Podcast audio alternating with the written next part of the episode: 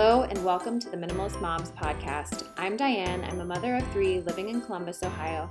I'm trying to make room in my life for what matters by getting rid of the clutter and living life with purpose. I hope you'll join me on the journey to think more and do with less. This week, I speak with author and national speaker Rebekah Lyons. An old soul with a contemporary, honest voice, Rebekah reveals her own battles to overcome anxiety and depression and invites others to discover and boldly pursue their purpose. Her work has been featured on Good Morning America, CNN, Huffington Post, The Tennessean, and Publishers Weekly, and more. Today, she is here to speak about her most recent book, Rhythms of Renewal. We discuss the importance of rest, stepping away from technology, and creating rhythms in our day to day, which ultimately help to renew our body and soul. But before we get to the interview, I want to start the podcast, as I always do, with the most recent rating and review. This week's review is from Annie Tar 25. She says, Thank you so much for this podcast. Love this. Please do an episode on minimizing cleaning supplies. So, I would love to do an episode on minimizing cleaning supplies. If anyone out there knows of someone that would be great to speak to this, please reach out to me on Instagram or my email or Facebook because I'd love to get someone on here that can discuss minimalist cleaning. And now for the interview with Rebekah. Hi, Rebekah. How are you doing this morning? Wonderful. How are you doing? I'm doing well, thank you. I'm really excited to have you here today and to discuss your latest project, Rhythms of Renewal. So, we'll just go ahead and get started. What prompted you to write this one? Well, I had a history. Uh, nine years ago, had my first panic attack. Actually, we had just moved to New York City. We had three children in elementary school, four, seven, and nine, and we had sold most of what we had, left our home of 13 years, our friends, our our things, and we just had a midlife reset. And in so many ways, it was the right decision for what our work and what we were doing, but also very scary and different. And I think New York was a pressure cooker that pushed some of those things to the surface. And so, in four months in, I had my first panic attack, rooted a little bit in claustrophobia, but very much stemming from um, uh, stress, mm-hmm. stress that escalated. And in that city, you have 8 million people in the span of 11 miles, and there is no such thing as personal space. And I found myself always feeling metaphorically trapped. And maybe I was trapped in a new season of life that I was not prepared for, but very much so. It was a spiral that lasted over a year and a lot of crying out to God, a lot of honesty with my people, and feeling really that I was getting to the end of myself. And in so many ways, it was the best thing for me, but it was also the hardest thing. And so, walking that out, I remember crying out to God about a year in, flooded with peace, knowing that a healing journey was beginning, but that I would still need some boundaries for health to to live a, a different way, to live in a new way. Because I had always been a chronic overachiever, type A control freak, and high capacity person that really didn't see any obstacles as um, something that I couldn't push through until I got into this this setting in New York. And I think what happened is that instead of finding meaning, I found surrender. And I can tell you today that meaning follows surrender. Mm-hmm. There is so much life for us on the other side of a surrendered yes, a, you know, a posture of humility, brokenness, you know, palms wide open, saying, okay, I want to reestablish what I want my life to be about. Mm-hmm. And it turned into these four rhythms, these boundaries and these rhythms that invited me into flourishing. I do want to dive a little bit deeper into all of the rhythms before the end of the podcast, but I do want to just touch on what your opinion is to why there is such widespread anxiety and stress in this society right now.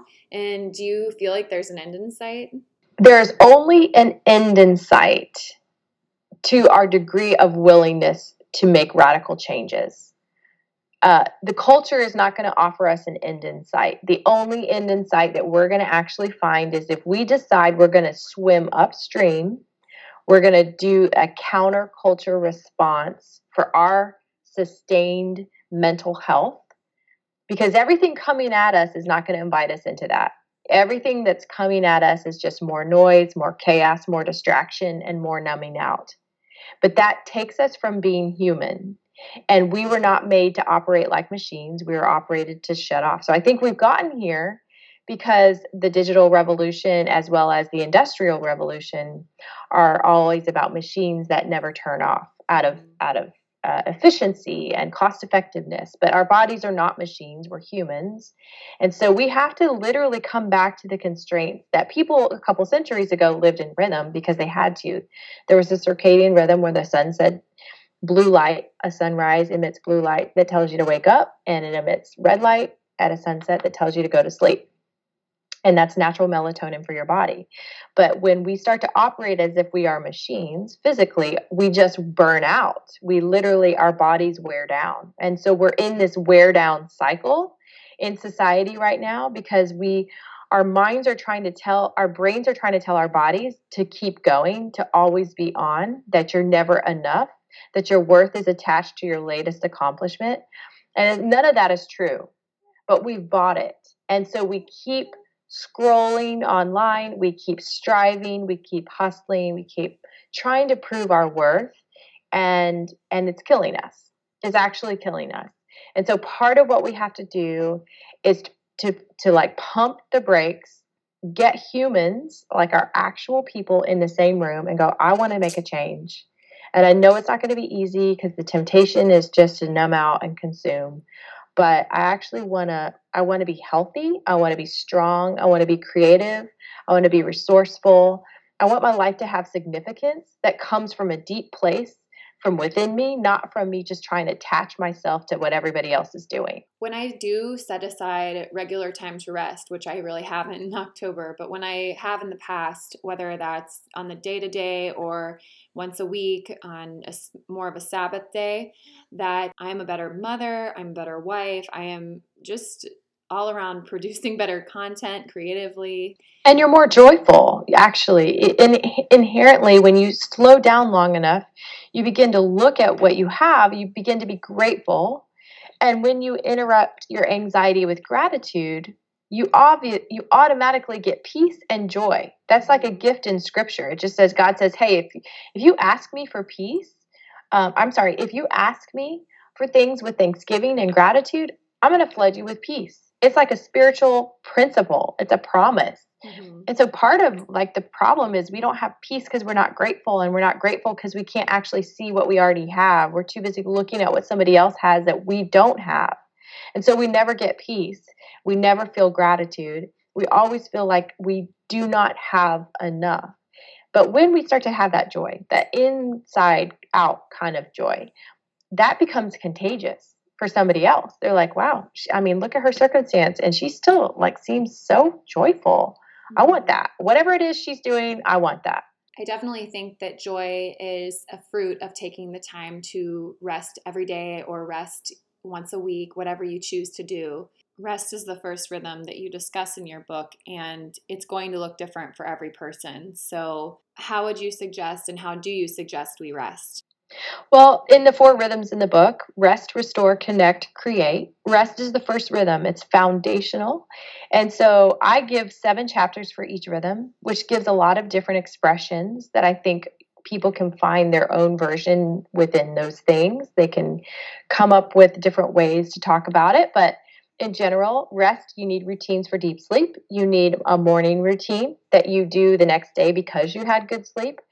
Uh, you take inventory of your life and you answer the questions of what's right, what's wrong, what's confused, and what's missing. You get quiet so that you know the things you need to change or confess or or apologize for. Like you you don't know what needs to get worked on until you get quiet. So that's a form of rest.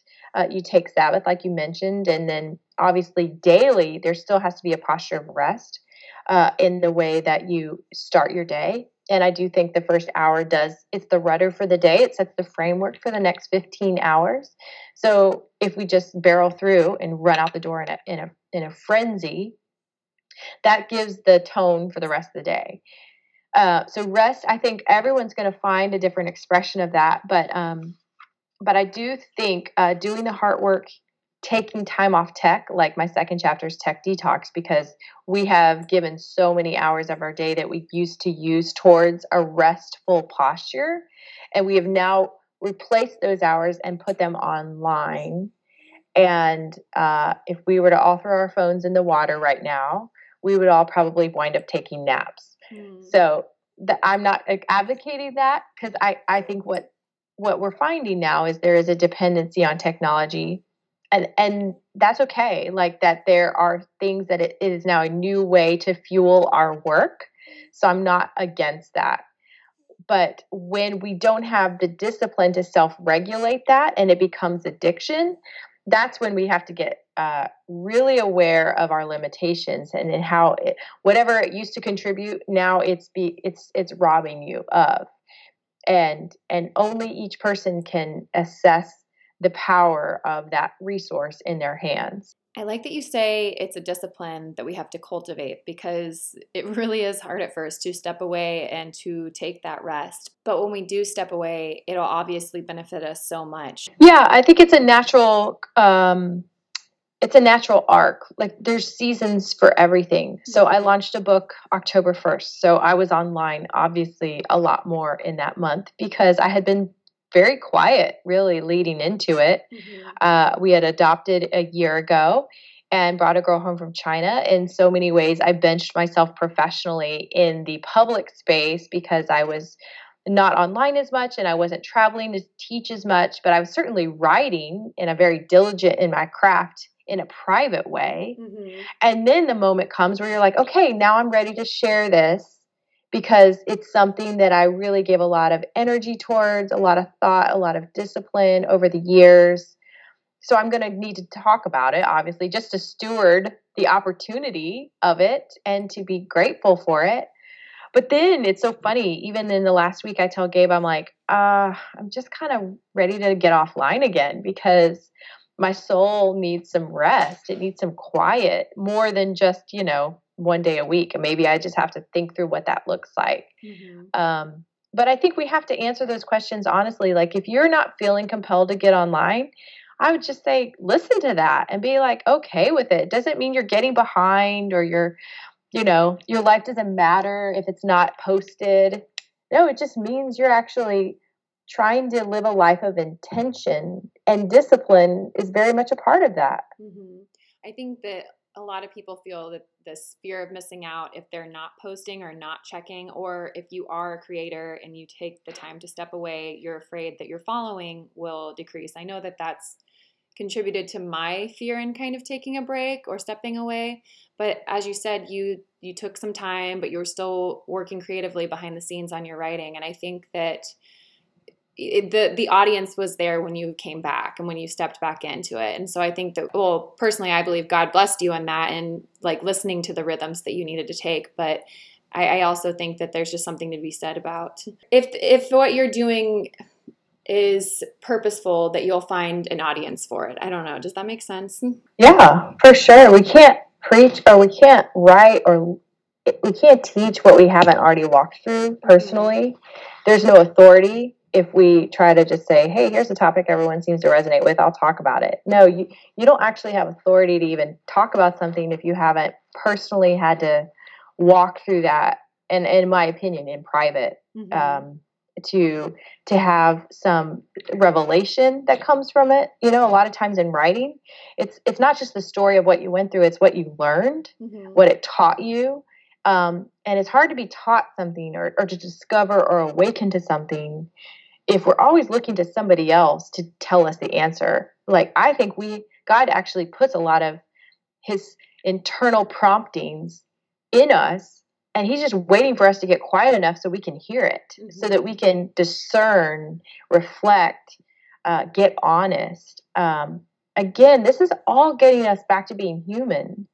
And that humanity that God wants with us, that that communion, um, it it just cannot happen in the same way when we are always looking for that communion with people through a screen. It's it it just becomes this like low hum that that almost robs the real richness that's waiting. It's like waiting in the quiet place, that secret place. Mm-hmm. Um, and then you can take what you learned there and what you've you know, what God had just shown a light on, and then you can share that when the time comes. But some things really are just for us. And I, I would, I want to just address what you said about the fear mm-hmm. of losing followers mm-hmm. and um, the algorithms are created for us to fear that. They're literally they are shaped so that we will fear that if we get quiet or if we walk away because that's what an idol does it demands everything of us and then it, in the end it offers everything but but delivers nothing. Um, ultimately when you play it fully out if if it delivers um, fear if it delivers anxiety if it delivers like this you know fear of missing out then it's offering like all this fame and popularity and fortune but in the end you're kind of like but yeah look at my mental state right now. Look at my relationships in my actual life mm-hmm. are they suffering mm-hmm. um, so part of it it comes back to going how do i use this as a tool but not an idol to where i have to fear um, that that if it goes away i have nothing left and i think part of it is getting back to the idea that if we have real giftings, which we do, I mean, there's no question that God has given each of us unique birthright gifts that that when we start to walk in those things, whether it's the use of words or, or craftsmanship or writing or teaching or singing or, or whatever it is, like counseling, whatever you love to do mm-hmm. that makes your heart come alive, uh, there will always, like you said, there will always be an audience for that when the time comes by whatever means and if instagram's not around in three years it'll be something else mm-hmm. if you know what i mean like there there will always be a way when you walk in the center of the gifts that you've been given in the womb and the destiny god calls you towards there will be always a, a new way to operate in it mm-hmm. and just because this current model looks like oh my goodness this is this is everything it's not and there will always be new ways that are invented for us to to champion um, the things that we are called to mm-hmm. and i'm so grateful for that you know mm-hmm. you look at all the things that used to be here that are now not here and I, it's easy to get caught up in and and thinking like this is the thing but it never is mm-hmm. you know yeah. things change all the time and that to me is a comfort sometimes i'm like man you know if the new thing comes tomorrow and the, the current thing is no longer attract, attractive people people don't care about moving on it's crazy to me so in some ways it's like just if we focus on the gift itself and our the talents and the burdens and walking out in our creativity uh, there there will always be joy in doing that mm-hmm. and i think that there's always going to be a trade off. When you're saying yes to something, you're going to say no to something else, and vice versa. And I think that I'm I am about to finish the book Essentialism. I don't know if you're familiar with it. Um, yes, yes. And I've just it's been really convicting to me because as I told you before we jumped on here that I'm trying to balance all of these different roles while also having this newborn and we have just recently moved and reading this book, it's like, what is priority? What takes priority? Well, obviously, like my family should should come first. They haven't been coming first, and it's that's where the convicting part has come in because priority means one. It doesn't mean many. What are what is my priority? And i'm trying to take on all these things to try and benefit the future but it's like what is important right now. Right. It's true. It's right in front of us. Mm-hmm. it's easy to look at this hypothetical thing that we can't see yet and yet there's there's ministry.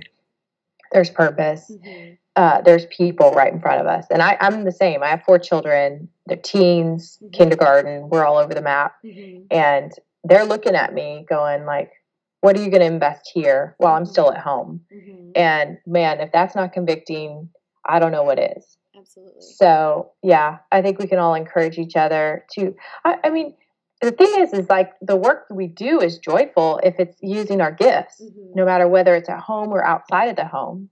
But let's not trade one for the other or let's not sacrifice one for the other. Let's let's ask god to actually be big enough which he is to show us a way to be faithful in the, how we steward i mean yes i am passionate about teaching it's probably my favorite thing.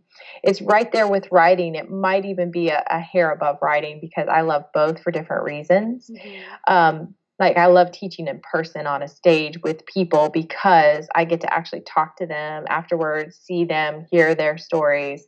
There's something about being in in contact with people, not just through a screen or through a book. Um, there's a real time of that that's so joyful for me. But then I I have people at home that I can't wait to get back to and go like, how are we going to live this weekend to the fullest? How is Sabbath going to? How are we going to all put all that extra stuff away so we can connect and commune as a family? Because if I'm connecting all over the country and I'm not connecting in my home, that is a huge, huge red light. Mm-hmm. Um, red flag. Maybe that's a better yeah. better use of it. But um, it, it stinks because God doesn't call us to things that will ask us to abandon family. And so we have to really, even as women, I think, as mothers, as wives, as daughters, as friends, men have their own res- roles and responsibilities with this too, but we have to take our roles and responsibilities with this as well, um, equally seriously, and knowing that the clock does tick. We think we'll have forever with our children at home, and we just don't. And what do we need to change to make sure that we are leveraging those days? Hi, friend. I need to tell you about Lola. Lola is a female founded company offering a line of organic cotton tampons, pads, liners, and all natural cleansing wipes, all the things that we need once a month. The company was founded on a simple idea women shouldn't have to compromise when it comes to feminine care products.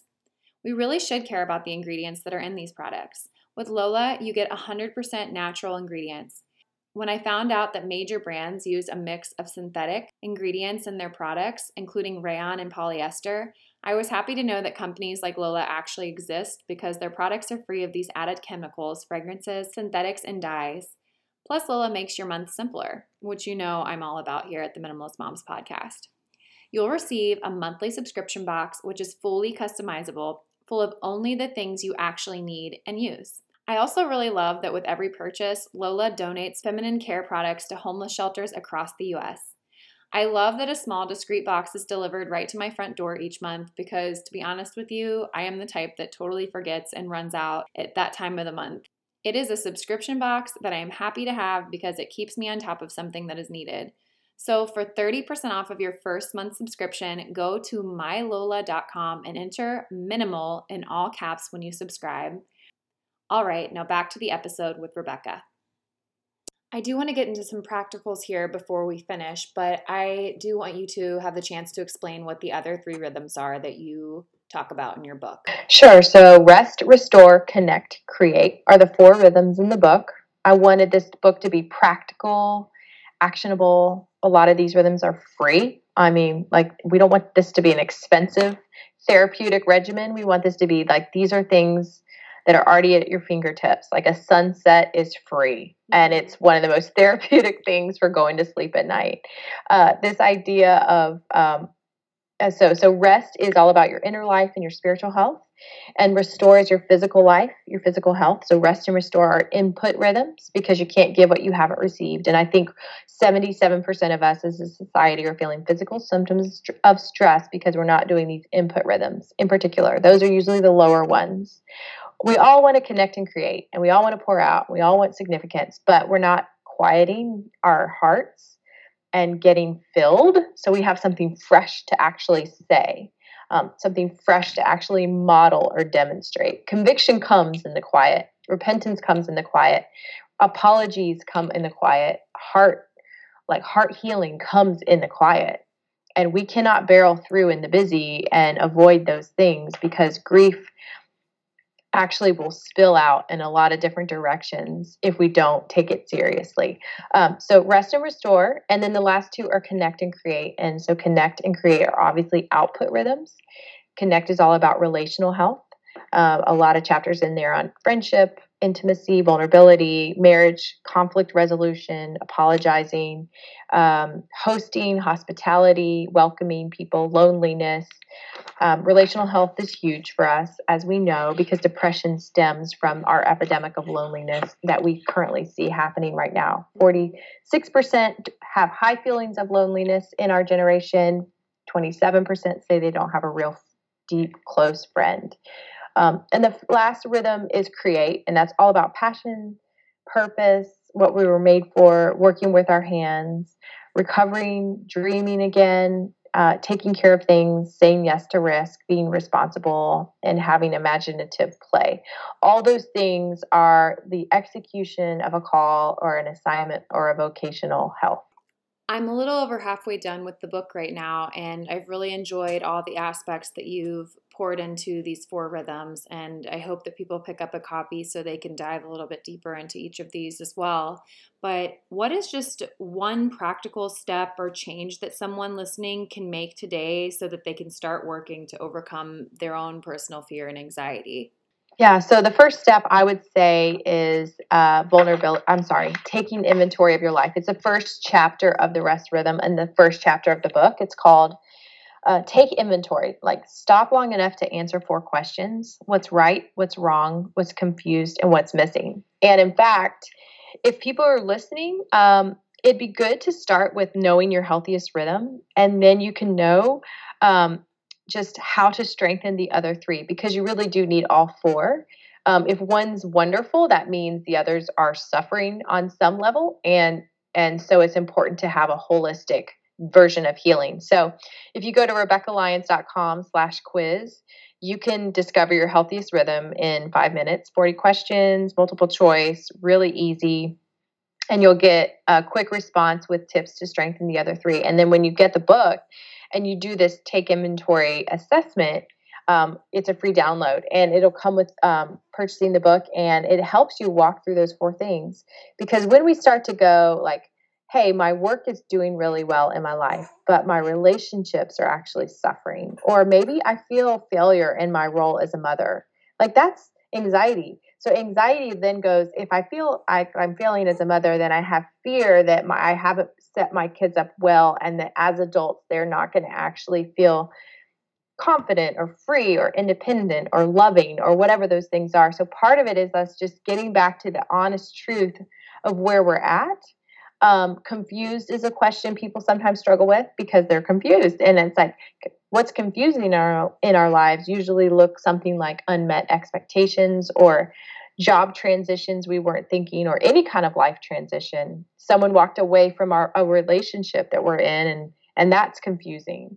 Um, but we've got to again get honest with those things because um, when we start to actually uh, heal what has been hidden uh, then we actually begin to walk in peace and and so part of this is just exposing the things that are there stopping long enough to be honest with them and inviting people to join us in in those things and inviting God in, quite frankly, to the places of pain that we've just tried to bury or suppress through busyness.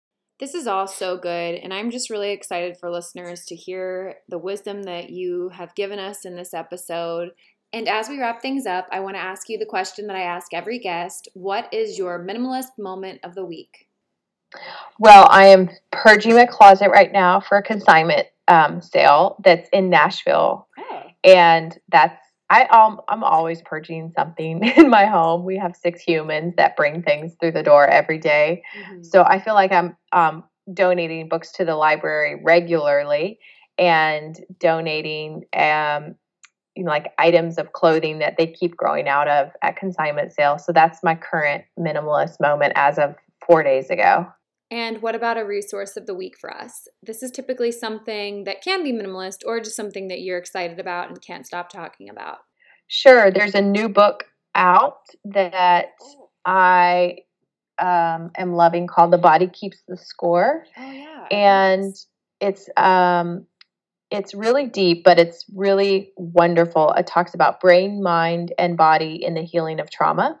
And I think part of what I'm studying so much and curious about is that because we have physical symptoms of stress, it's more about what is our body keeping the score of? What what things are we holding on to that maybe are part of our story of, you know, emotional disconnection or rejection or abandonment. Um, in ways that it's still playing out in our adult lives. And because I think we all we will all want healing. We want to be the our whole um, most you know complete versions of ourselves for our current context, whether we're mothers and wives or or friends, whatever. We want to bring our best selves to those relationships, and we have a hard time doing that if there's stuff we're still holding on to physically mm-hmm. from you know decades in the past and so i just i think it's a really uh, wonderful book on how we can get free of some of those things. And can you let everyone know where they can find you and pick up a copy of your new book? They can connect with me at rebekahlyons.com it's r-e-b-e-k-a-h-l-y-o-n-s dot com. And it's at rebekah lyons for all socials Instagram, Facebook, Twitter. And uh, as far as the book, Rhythms of Renewal Trading Stress and Anxiety for a Life of Peace and Purpose, that is Amazon, Barnes and Noble, anywhere books are sold. It's starting to show up in retail outlets as well, which is really fun. Well, thank you so much again for coming on the Minimalist Moms podcast. I think that people are really going to enjoy this one. Thank you for having me. Have a great day. What did you think about my conversation with Rebekah? She gave me a lot to consider, and this is one I'll definitely be thinking about for days and weeks to come. I invite you to keep the conversation going at minimalistmomspodcast.com. There, you'll find links to the Facebook page, Instagram account, and where you can find me all around the web. Join me next week as I speak with author and organizing expert Christy Lingo. Christy has written a book about clutter free gifts, and we'll discuss how she cultivated that list, how we can confidently ask for these gifts during the holidays and birthdays, and some of her favorites we can ask for this holiday season. Thank you for joining up on this journey. I wish you a lovely week as you think more and do with less.